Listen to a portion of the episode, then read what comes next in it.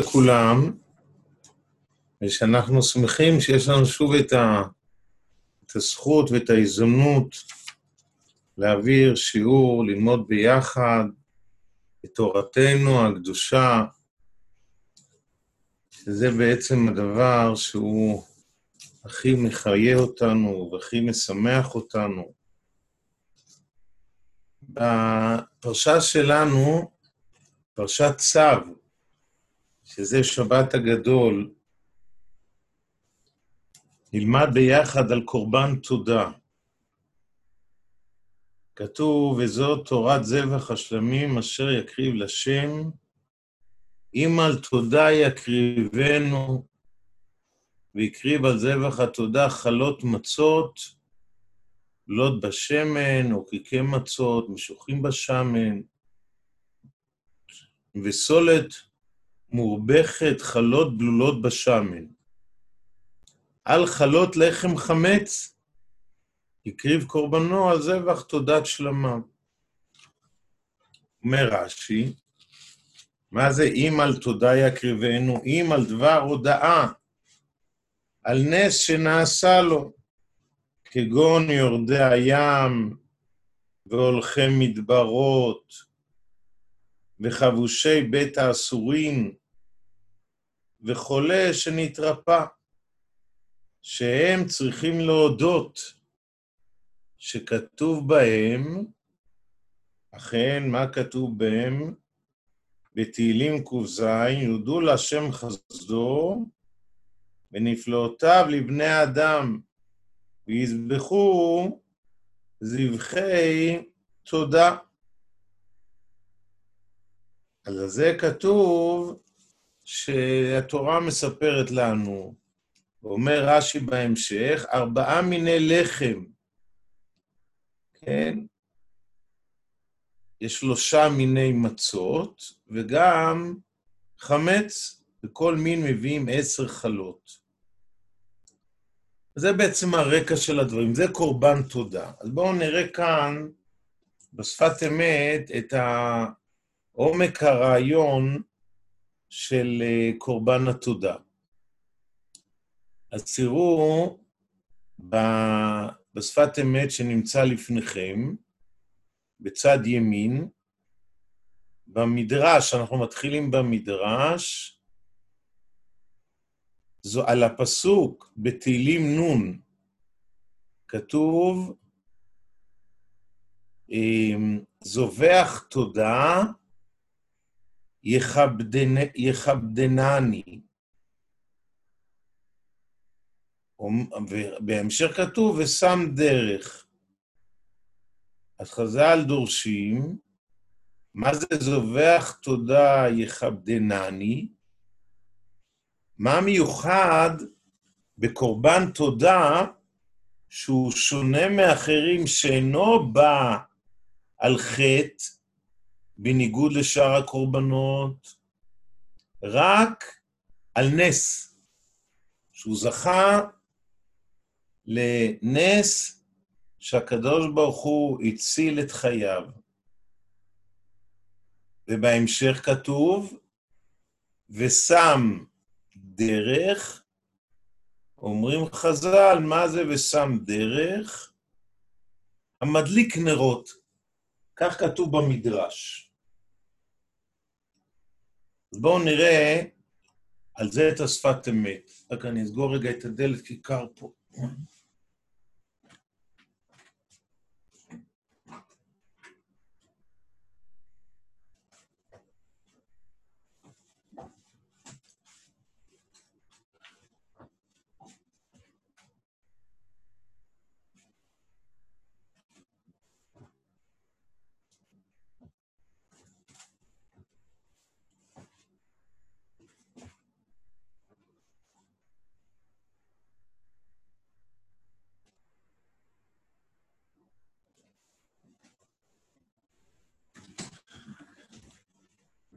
אומר המדרש, עיין שם כל הדרשות, כך אומר השפת אמת. והעניין הוא כי פרסום הניסה הוא מצווה רבה. למה פרסום הניסה הוא כל כך, זה עניין כל כך חשוב? לפרסם את הנס, הרי אוכלים פה 40 חלות, כן? 30, 40 אה, כיכרות. זה בשביל זה צריך חבורה גדולה שתצטרף למעמד הזה. אז יש עניין מאוד גדול לפרסם את הנס.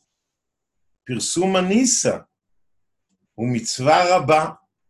למה פרסום הנס זה מצווה כל כך חשובה? כי באמת כל הטבע היא גם כן הנהגתו יתברך שמו. הרי כל מה שקורה בעולם, שהשם מזורחת כל יום, ובלילה הלבנה מהירה והכוכבים מהירים, זה במסגרת חוקי הטבע. אבל זה הכל הקדוש ברוך הוא. כי באמת כל הטבע היא גם כן הנהגתו יתברך שמו. רק שאינו ניכר, בגלל שאנשים מורגלים לזה, שכל יום השמש זורחת מחדש, אז אה, אה, זה מטעה, יש כאן טעות אופטית, אבל זה הקדוש ברוך הוא. במקום אחר השפת אמת אומר, הנס הכי גדול הם חוקי הטבע, שככה הקדוש ברוך הוא מנהיג את העולם. וכשעושה השם יתברך לפעמים ניסים, והנס זה משהו שיוצא מגדר הטבע, מכללי הטבע, הרי זה יצא מן הכלל, אני קורא בתוך השפת אמת, רגע,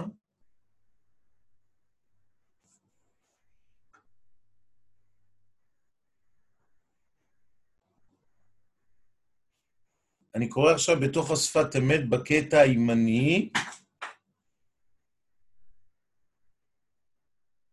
בקטע הימני, אה, בשורה, בקטע שמתחיל במדרש זובח, בשורה השמינית. בסדר? יפה. וכשעושה השם יתברך לפעמים ניסים, הרי זה יצא מן הכלל, כי פתאום יש כאן תופעה לא טבעית, משהו חריג, משהו מעל הטבע, זה יצא מן הכלל ללמד על הכלל כולו. הנס הזה, שבעצם הוא מראה על ההשגחה האלוקית עד כמה הכל מושגח, אז זה בא ללמד גם על הטבע. יש, מ... יש לנו אחד משלוש עשרה המידות, זה דבר היוצא מן הכלל, שבא ללמד על הכלל כולו, משם זה לקוח הביטוי הזה. הרי זה יצא מן הכלל, ללמד על הכלל כולו, מה זה הכלל כולו? זה הטבע. להודיע כי השם יתברך ברא את הטבע, ולא רק ברא, אלא מנהיג כל הטבע גם כן. הכל זה הקדוש ברוך הוא. אז הנס שהוא יוצא מן כללי הטבע, הוא בא להעיד על כללי הטבע, שהכל זה הקדוש ברוך הוא. כמו שאומרים, שטבע זה גימטריה של אלוקים. זה הכל הקדוש ברוך הוא. כמו שכתב הרמב"ן ז"ל, שיש ניסים נסתרים בטבע וניסים נגלים. אבל הכל זה נס, זה הכל הקדוש ברוך הוא. לכן, המכיר בנס וחסדיו של הקדוש ברוך הוא, הוא מביא תודה על זה. אדם שאכן הוא מראה שהוא הוא, הוא באמת מבין שהייתה כאן התערבות אלוקית שהכל זה הקדוש ברוך הוא. והוא רואה שהכל חס... חסדים של הקדוש ברוך הוא, ולכן הוא מביא תודה, בזה הוא שם דרך. אמרנו הרי הפסוק זובח תודה יכבדנני, ואז כתוב בהמשך, ושם דרך. אז אדם כזה שהוא זובח תודה והוא מכבד את הקדוש ברוך הוא, הוא שם דרך. מה הדרך? ובזה הוא שם דרך, הוא מודיע מלכותו יתברך שמו בעולם הזה. הוא שם דרך. אומרים חז"ל, מה זה שם דרך? מדליק נרות. הוא מאיר לכולם את הדרך של הטבע, הוא מראה לכולם שהדרך של הטבע זה הקדוש ברוך הוא. הוא מודיע מלכותו יתברך שמו בעולם, פה בעולם הזה. כמו שכתוב בפרק ק"ז, בפסוק האחרון, מי חכם וישמור אלה, והתבוננו חסדי השם. זה דורש התבוננות, לראות ולהבין את חסדי השם. ובאמת, כל העובד, השם יתברך. מי שעובד את השם, ומבין שזה מטרתו ותכליתו, הוא מבקש למצוא האמת, כי אדם מבין שכל תכליתו זה לעבוד את השם, והוא בכל דבר מחפש את האמת האלוקית, הוא רואה תמיד איך השם יתברך הוא המנהיג לכל, בכל יום תמיד. גם ההנהגה, כל מה שבתוך הטבע, כל מה שקורה לאדם כל יום ויום, כל רגע ורגע, אין מקריות, אלא הכל בהשגחה. ועובדי השם יתברך מבררים זאת, ולכן זה נקרא מי שעובד את השם, הוא נקרא שם דרך, כמו שהמדרש דורש שם דרך המדליק נרות. זה לראות בכל בכל מה, בכל מה שקורה בעולם הזה, כל הדרכים שקורים בעולם הזה, שפועלים בעולם הזה, זה הקדוש ברוך הוא. זה נקרא שם דרך. דכתיב ישרים דרכי השם. שוב מדובר פה על דרך. ישרים דרכי השם. צדיקים ילכו בם. הצדיקים הולכים באותם דרכים שהם מבינים שהם דרכים של הקדוש ברוך הוא, והם הדרכים שבעולם הזה, שהם נסתרים, ישרים דרכי השם, בעולם הזה דרכי השם ישרים. הצדיקים הולכים בם, הם הולכים בדרך של השם, כי הם רואים שזה הכל הקדוש ברוך הוא. שעוד פעם, והם הדרכים שבעולם הזה, שהם נסתרים, והצדיקים מכירים האמת, וזה הפירוש, ושם דרך הוא לשון סידור. כן, לברר, כמו שכתוב, ושמו איש על עבודתו, שהם מבררים האמת והפנימיות מתוך החיצונות. צדיקים רואים בכל דבר את הקדוש ברוך הוא. זה שם דרך, מבררים בכל דבר שזה הדרך של הקדוש ברוך הוא. רואים בכל דבר את יד השם. רואים בכל דבר את ההשגחה האלוקית. בשעתו, כשהבעל שם טוב המציא את החסידות, הוא עשה הרבה אותות ומופתים. אז שאלו אותו, לצורך מה יש, מדוע הבעל שם טוב עושה כל כך הרבה אותות ומופתים? הרי הקדוש ברוך הוא מנהיג את העולם על פי חוקי הטבע, למה לעשות אותות ומופתים? אז הוא אמר, כי על ידי אותות ומופתים, אז אנשים רואים את יד השם, וזה יעזור להם לראות את יד השם, את מציאות השם, בכל דבר ודבר שקורה להם ביום-יום, שאין שום מקרה, הכל זה בהשגחה אלוקית. הכל בא בזה שהקדוש ברוך הוא ברא את העולם, הוא מנהיג את העולם.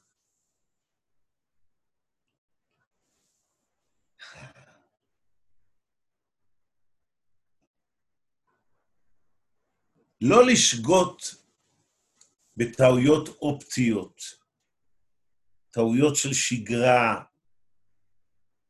שאנשים מייחסים את הדברים למקרה, לטבע, אלא תמיד להעמיק בראייה. כי כשלא מעמיקים, אז בראייה שטחית חיצונית, אז הכל נראה בדרך של מקרה טבע. אבל כשאדם מעמיק ומברר, הוא רואה שהכל זה יד השם. שימו לב למילים של השפת אמת, שהם מבררים האמת והפנימיות מתוך החיצוניות. לא לשגות אחר החיצוניות, אלא לראות מבט עמוק, עמוק, עמוק. ללכת לראות בכל דבר את האמת הפנימית, שדורשת העמקה ומחשבה והתבוננות, ולא מסתפקת רק במה שנראה לעיניים, אלא הרבה מעבר. כמה הדברים מדברים לתקופה שלנו. פתאום העולם מושבת. אין יותר מטוסים, אין טיסות ממדינה למדינה. הדף היומי שכל עם ישראל, מאות אלפים, לומדים כל יום מסכת שבת, העולם נכנס לשבת. עד היום, בן אדם אומר, מה שאני רוצה, אני אטוס מתי שאני רוצה, אני אסע מתי שאני רוצה, והכל היה מובן מאליו. פתאום הקדוש ברוך הוא מלמד אותנו, שום דבר לא מובן מאליו. הכל זה בסייעתא דשמיא. ואז, האדם פתאום גם, מאחר ושום דבר לא מובן מאליו, אז הוא גם לומד להעריך את כל מה שיש לו. הוא מבין, מאחר ושום דבר לא מובן מאליו, אז הכל זה בסייעתא דשמיא, והכל זה הקדוש ברוך הוא, ושום דבר לא מובן מאליו. מה זה מובן מאליו? שזה בטבע. הקדוש ברוך הוא אומר, רגע, רגע, רגע, מה זה טבע? זה הקדוש ברוך הוא. שום דבר לא מובן מאליו. ואז הוא אומר, ובני ישראל בכלל נקראו שם דרך. עם ישראל כולו, הוא שם דרך, הוא מאיר לעולם כולו את הדרך. הוא מלמד את העולם כולו מהי האמונה בקדוש ברוך הוא. ובהיותם בגלות מצרים. ובשאר הגלויות שהאור נסתר, יש הסתרת פנים, והם זוכים לגאולה. פתאום האומות רואות שעם ישראל נגאל, שהקדוש ברוך הוא דואג לבניו. אה, בזה האומות אומרות, או, הנה, יש כאן את ההשגחה האלוקית.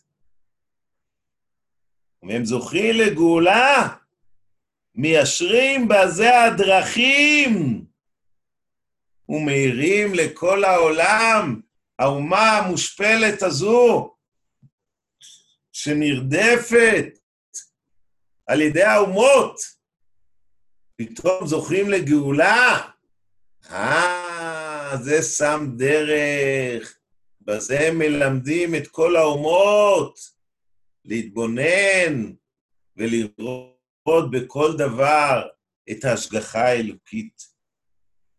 זה סיפר לי פעם מישהו, הוא היה, בדיוק זה היה בשבת הגדול, לפני כמה שנים. הוא היה שם, יש איזה אכסניית נוער ב, ב, במצדה, והייתה שם קבוצה של נוצרים. אז הנוצרים האלה אמרו לו, לזה שסיפר לי, הוא אומר, אתם לא יודעים עד כמה הקדוש ברוך הוא אוהב אתכם. אז הוא אומר, למה אתם אומרים? הוא אומר, תשמעו, אתם מוקפים פה בחצי מיליארד מוסלמים. יש גלובוסים ואטלסים שאפילו לא רואים את מדינת ישראל, היא כל כך קטנה מול כל המדינות שסובבות אותנו. הוא אומר, הערבים היו יכולים, אם כולם היו יורקים באותו יום, היו יכולים להטביע אתכם רק ברוק שלהם. איי, איי, איי, איי, איי. הקדוש ברוך הוא שומר עליכם. אתם לא יודעים עד כמה אתם מושגחים. ומה כזו קטנה, שכולה רק בת 72 שנה. מה היא? מה קרה? מה קורה עם האומה הזאת? אחרי שווה אלפיים שנות גלות איומים. ועוד השואה איומה. שליש מעם ישראל מושמד. שלוש שנים אחרי גמר השואה, עם ישראל בונה את המדינה שלו. המדינה כולה בפריחה ושגשוג. זה, כל האומות מסתכלות עלינו, או, מה זה עם ישראל? דבר, לומדים מכאן דברים אדירים. לומדים מעם ישראל את כל החוכמות. ואז הוא אומר ככה, הוא אומר, והארבעה שצריכים להודות על נס מכל מקום, אלה הניסים שמתלבשים קצת בטבע. כן, אמרנו שבעצם ארבעה אנשים שהם הם אלה שמביאים את קורבן התודה, מודים. אז מה זה? וארבעה צריכים להודות על נס מכל מקום, אלה הניסים מתלבשים קצת בטבע. זה לא ניסים גלויים, כן? אדם עבר במדבר ויצא חי, אדם עבר את הים ויצא חי, יכול... זה לא נס גלוי, זה נס בתוך הטבע. מכל מקום, וארבעה צריכים להודות על נס, מכל מקום אלה הניסים מתלבשים קצת בטבע. כן, זה ניסים נסתרים. ולכן תודה, הקורבן תודה, יש בו חמץ ומצה. למה? כי הרי אמרנו, יש 40 לחמים, 30 הם של מצה ועשרה של חמץ. למה השילוב הזה של חמץ ומצה? כי מצה מסמלת את ההנהגה העליונה בלי הסתר. וחמץ מסמל, וכשמתלבש בטבע, הוא משתנה על ידי צמצום והסתר. חמץ מסמל את ההופעה האלוקית, אבל שנסתרת, נס נסתר. וזה בעצם, הרי איך נוצר החמץ? זה השאור שבעיסה, שהשאור הזה גורם לעיסה להחמיץ, שמשנה העיסה, וזה החמץ, זה הטבע. הגמרא אומרת שאומות העולם הם השאור שבעיסה, הם מכניסים לעם ישראל את החמץ. כי עם ישראל מצד עצמו, מי כעמך ישראל, גוי אחד וארץ. מיד נסביר מה זה מצה. מיד. והנס ביציאת מצרים היה למעלה מכל הטבע. לכן הוא מצא. הנה, מישהי פה שאלה מה זה מצה. אומר השפת אמת, המצה מסמלת את יציאת מצרים, לכן אנחנו אוכלים מצה בפסח. למה? כי הנס של יציאת מצרים היה למעלה מכל הטבע, ביד חזקה ובזרוע נטויה. לכן הוא מצא. אבל ניסים הנסתרים בטבע הם חמץ ומצה. השילוב הזה של חמץ ומצה, הוא מסמל את הרעיון של המציאות האלוקית בתוך החמץ, בתוך הטבע. המצה מסמלת את ההופעה האלוקית, אבל החיבור הזה בין חמץ ומצה זה ההופעה האלוקית בתוך הטבע. כמו שכתוב במדרש, שראינו מקודם, אבל כאן יש הסבר נוסף על הפסוק, זובח תודה יכבדנני, אומר המדרש, מה זה, איך זה מכבה את הקדוש ברוך הוא? בעולם הזה ובעולם הבא. זאת אומרת, שהשילוב הזה בין חמץ, בין מצה לחמץ, זה השילוב של העולם הזה והעולם הבא. העולם הבא זה על-טבעי, והעולם הזה זה טבעי.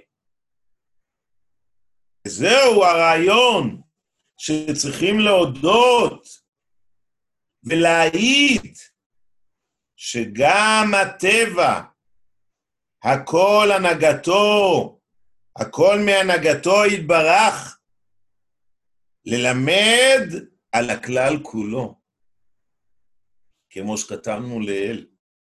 אז לכן, כשאדם מודה, אותם ארבעה אנשים שמודים, ראשי תיבות של וכל החיים יודוך סלע, אותם ארבעה אנשים שמודים לקדוש ברוך הוא, שהיה להם סייעתא דשמיא מיוחדת, זה בעצם מעיד לא רק על מה שהיה להם, על כל השגרה, על כל הטבע. העמד על הקהל כולו, כמו שכתבנו לאל. והנה אמרו חזק, אמרו חז"ל על הפסוק ושמרתם את המצות, תסתכלו מספר 14 למטה, תסתכלו, מי הם ארבעה אנשים? אז אני אקריא את זה עוד פעם מרש"י בפרשת צו.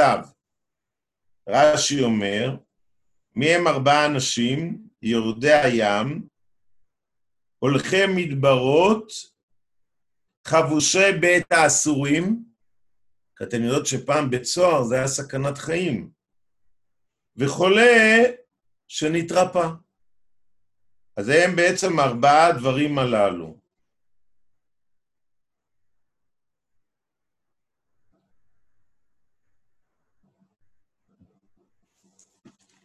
אם כן, אומר השפת אמת, והנה אמרו חז"ל הפסוק, תראו מספר 14 למטה, כדרך שאין מחמיצים את המצה, כך אין מחמיצין את המצווה.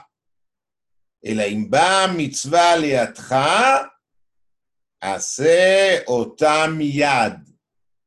איך לומדים את זה? חז"ל דורשים מהפסוק, ושמרתם את המצות. מה זה לשמור את המצות? מה זה מצה שמורה ששומרים שהיא לא תחמיץ?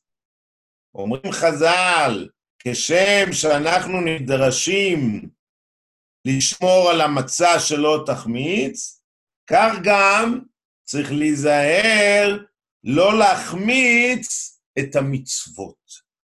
זה מה שכתוב למטה, אלא אם באה מצווה לידך, עשה אותה מיד. מה עומק העניין? אז ההסבר הפשוט הוא, הרי מתי מצה מחמיצה? כשעובר הזמן, יש התמהמהות, כן? יותר מ-18 דקות. אז המדרש אומר שיש הזדמנות לקיים מצווה, אל תתמהמה, אל תחכה. תעוט עליה, תקפוץ עליה, מיד, לא לחכות. זה ההסבר הפשוט. אומר השפת אמת, והעניין גם כן מבואר על דרך הנ"ל. כי התורה אור למעלה מהגשמיות והטבע. כי נר מצווה ותורה אור. מצווה זה נר. למה זה נר? כי האור של הנר הוא בא מהחיבור לחומר. כן, האש שורפת את החומר, ומזה יש אור. אבל התורה היא אור, היא לא תלויה בשום חומר. לכן אומר השפת אמת, כי התורה היא התורה אור למעלה מהגשמיות והטבע. לא קשור לשום דבר גשמי, מעל הטבע. והמצוות הם נרות, כי אתה מקיים מצווה במעשה, במציאות, במציאות הגשמית. והמצוות הם נרות. איך להביא אור התורה בכל המעשים. מה המצווה עושה? אמרנו מצווה זה בעולם המעשה, אבל מה המצווה עושה? היא לוקחת את האור העל-טבעי של התורה, ומכניסה את האור הזה בתוך המעשה, בתוך עולם המעשה. אני קורא שוב, המצוות הן נרות.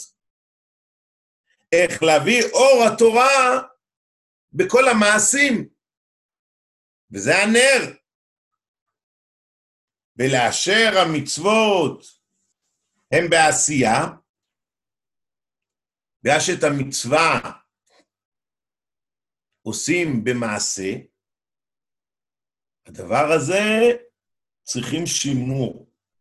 אז אמרנו, הפשט של המדרש היה שיש לך הזדמנות לקיים מצווה, אז אל תדחה אותה. נגיד, הגיע הזמן מנחה, אל תגיד יותר מאוחר. קודם כל תקיים את המצווה. זה נאמר על כל מצווה. זה נקרא מצווה בעל ידך, אל תחמיצנה, תקיים אותו מיד. אבל השפת אמת נותן פה הסבר יותר עמוק.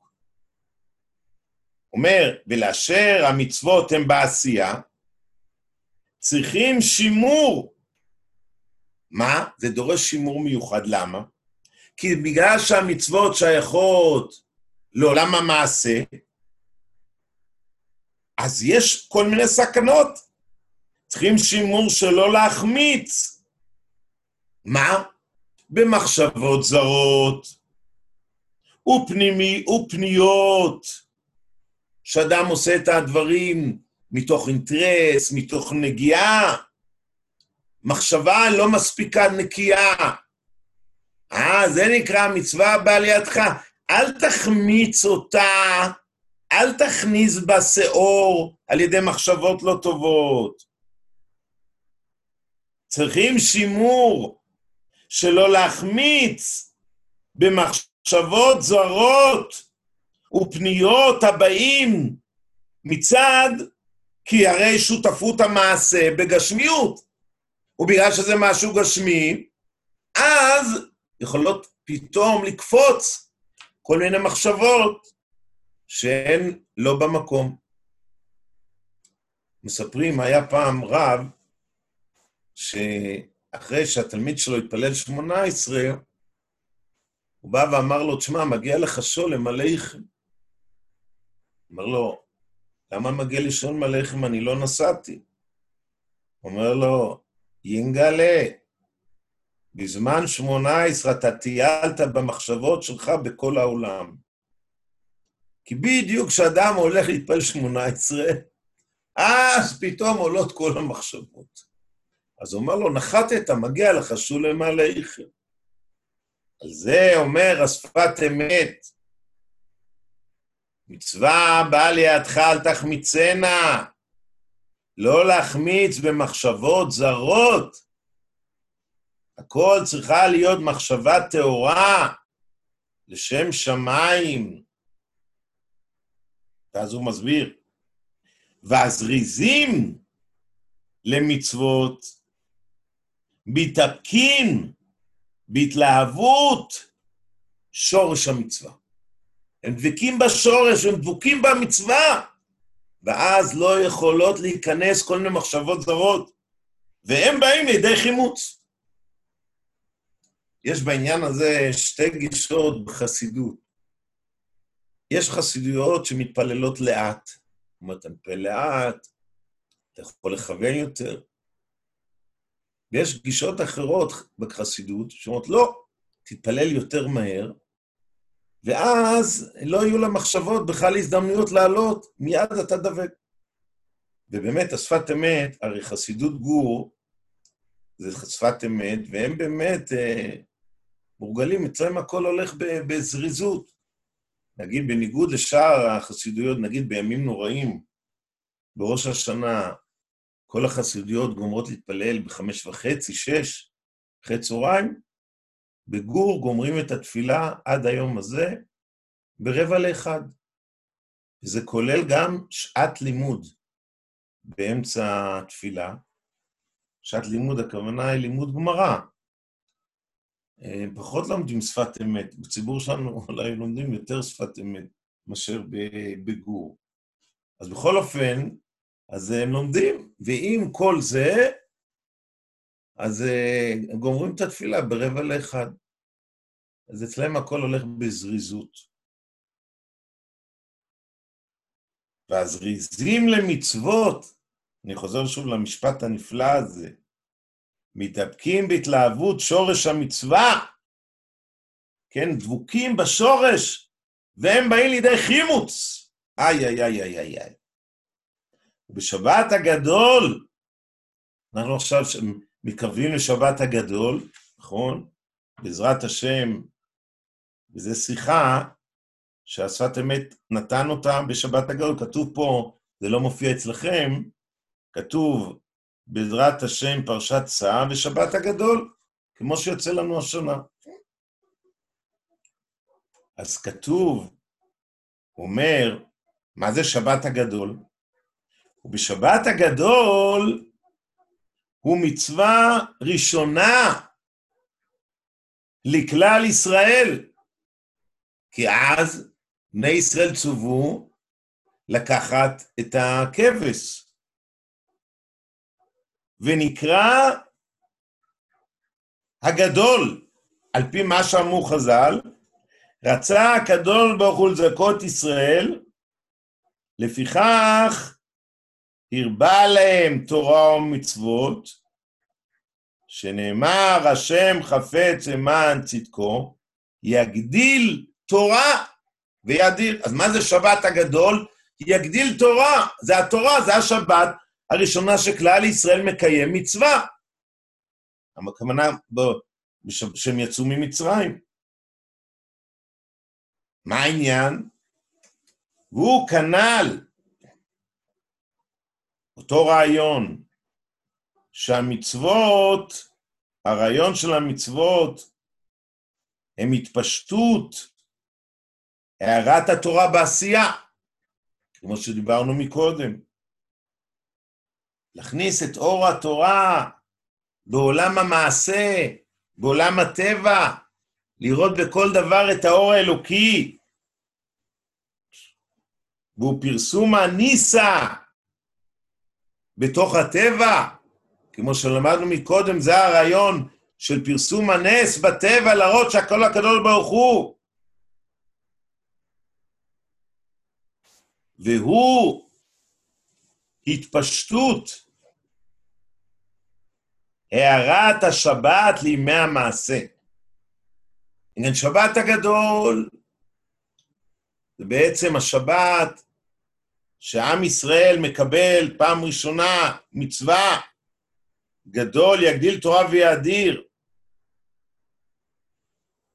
והרעיון של המצוות זה התפשטות האור של התורה בעולם העשייה, שזה הרעיון של פרסום הנס.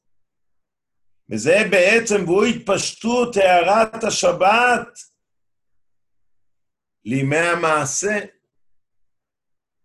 כן, הרי השבת, האור של השבת משפיע מן המטבחין, כולה שיטה ימין. האור של השבת, שבת מעל הטבע, אבל האור הזה נכנס אחר כך לימות החול. והכל עניין אחד, כי שבת הוא כולו תורה. לכן השבת נקראת שבת הגדול. והנהגה שלמעלה מהטבע. וביציאת מצרים התחיל להתגלות הנהגה הנ"ל בעולם. עם ישראל יוצא ממצרים, אז מתברר העניין הגדול, שבעצם הכל זה הקדוש ברוך הוא. אז הנהגה, כן, שבת הוא כולו תורה, והנהגה שלמעלה מהטבע. ביציאת מצרים, שראו את כל הניסים הגדולים, זה בחינה של שבת, אבל זה העיד על כל ההנהגה של הקדוש ברוך הוא בעולם הזה, במיוחד את עם ישראל, התחיל להתגלות הנהגה הנעל בעולם. איזה דברים נפלאים. לראות בכל דבר השגחה אלוקית. איי, איי, איי, איי, איי, עד כמה הדבר הזה נפלא. והנה, אנחנו אכן מתקרבים ליום הגדול הזה, לחג הגאולה. וכתוב, כימי צאתך ממצרים וכולי, כנערינו נפלאות. כתוב שלעתיד לבוא בגאולה האחרונה, הקדוש ברוך הוא יראה לנו נפלאות גדולות, ועל ידי כך הקדוש ברוך הוא יגאל את ישראל.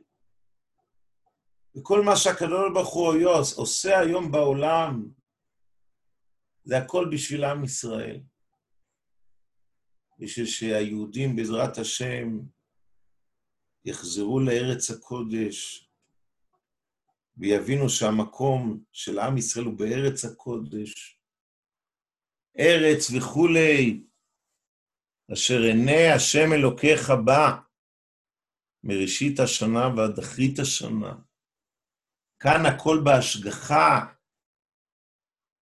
הכל כאן בסייעתא דשמיא גדולה, ובעזרת השם אתם תראו גם במשך הימים יותר ויותר עד כמה כאן הכל מושגח, ועד כאן בארץ ישראל זה המקום הכי בטוח לעם היהודי. וכאן יש כל הזמן סייעתא דשמיא גדולה, גדולה, גדולה. אבל כל מה שהקדוש ברוך הוא עושה לעולם, זה הכל בשביל עם ישראל. הכל בשביל שעם ישראל יבין נכונה את מה שקורה בעולם. הכל בשביל שעם ישראל אכן יחזור לארצו ויתחבר יותר ויותר לאמת הגדולה. ומתוך כך גם האומות, כמו שראינו, גם הם יבינו יותר ויותר את העניין. אנחנו חיים בימים גדולים מאוד, וככל שיעברו הימים נבין יותר ויותר. אם אנחנו מדברים על שבת הגדול, אז אנחנו עכשיו, לקראת שבת הגדול, אנחנו בימים שהם מאוד מאוד גדולים. וככל שיעברו יותר הימים, נבין יותר ויותר את המהלך האלוקי האדיר הזה, שמשנה את כל העולם, מקצה אל קצה. שינוי מוחלט. נבין יותר ויותר. הדבר אחד אנחנו יודעים, שהכל לטובת עם ישראל. הכל בשביל עם ישראל. כי אנחנו בנים של הקדוש ברוך הוא, וכמו שזכינו אחרי אלפיים שנות גלות, כנגד כל הסיכוי שבעולם, כנגד כל ההיגיון, לחזור לארצנו הקדושה ולבנות שוב מחדש את מדינתנו הקדושה, כך גם המשך התהליך. עם ישראל מתחבר יותר ויותר לתורתנו הקדושה, חוזר יותר ויותר לשור, לשורשים, ומי כעמך ישראל גוי אחד בארץ, למרות שתקופה היא לא קלה ולא פשוטה, גם בצד הכלכלי, אבל גם מתוך זה רואים את הגדלות של עם ישראל. התקשרה אליי השבוע מישהי להתרים לאיזושהי עמותה, לפני פסח תמיד יש התרמות, אז אמרתי לה, תקשיבי, אני תרמתי לעמותה הזאת לפני חודש, אבל תראי, יכול להיות שלאור המצב, יהיו כל מיני אנשים שהם יסרבו, ויהיה להם קשה לתרום, אז בשביל לחזק אותך, תחזרי אליי, ואז אני אשמח לתרום. תקשיבו טוב, מה היא עונה לי? היא אומרת לי, תתפלא לשמוע. אף אחד לא סירב לי. ההפך, אנשים ממשיכים, וזה נפלא. אז מי קם חי ישראל גוי אחד בארץ? אתמול אה, פניתי לאחד מהבוגרים שלי, מדי פעם אני זוכר לסייע לכל מיני משפחות, אז, אה, אז אני ככה פונה אליו באופן קבוע. שאלתי אותו, מה נשמע? מה קורה? אז הוא אומר לי, תשמע, אה, הוציאו אותי עכשיו לחל"ת, חופשה ללא תשלום, ונראה מה יהיה. אז אמרתי לו, טוב, תשמע, אז אה, אתה צריך קודם כל אה, לראות שהכול בסדר, אתה מסתדר. אז הוא אמר לי, תקשיב, הרב, לא רק שאני רוצה לתת לך את התרומה הרגילה, והוא כל חודש נותן לי את כל המעשר כספים שלו, שזה סכום גדול, אלא לכבוד פסח אני רוצה להגדיל את העניין. אז הוא הוסיף על התרומה שלו עוד כמה מאות שקלים טובים.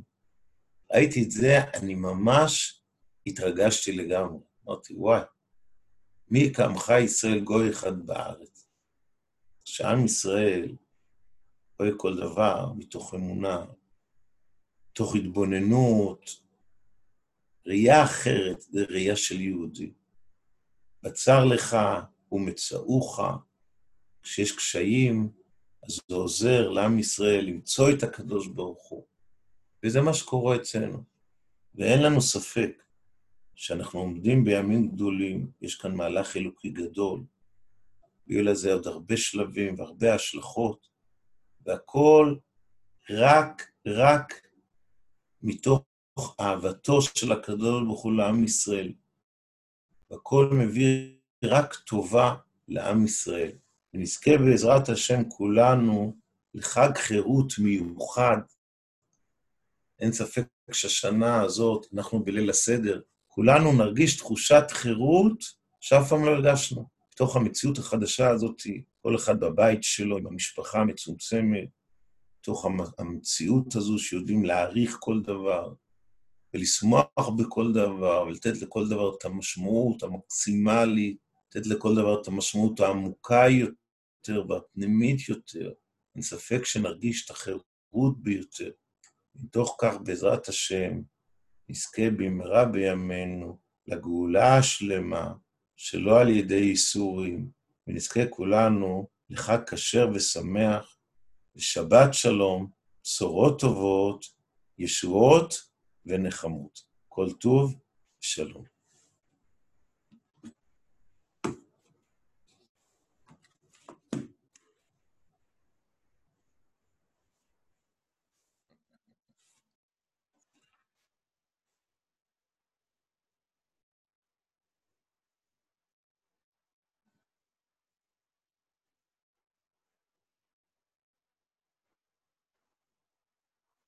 מסתכל פה על כל השמות שאומרות תודה, וואי, זה נפלא. וואו, וואו.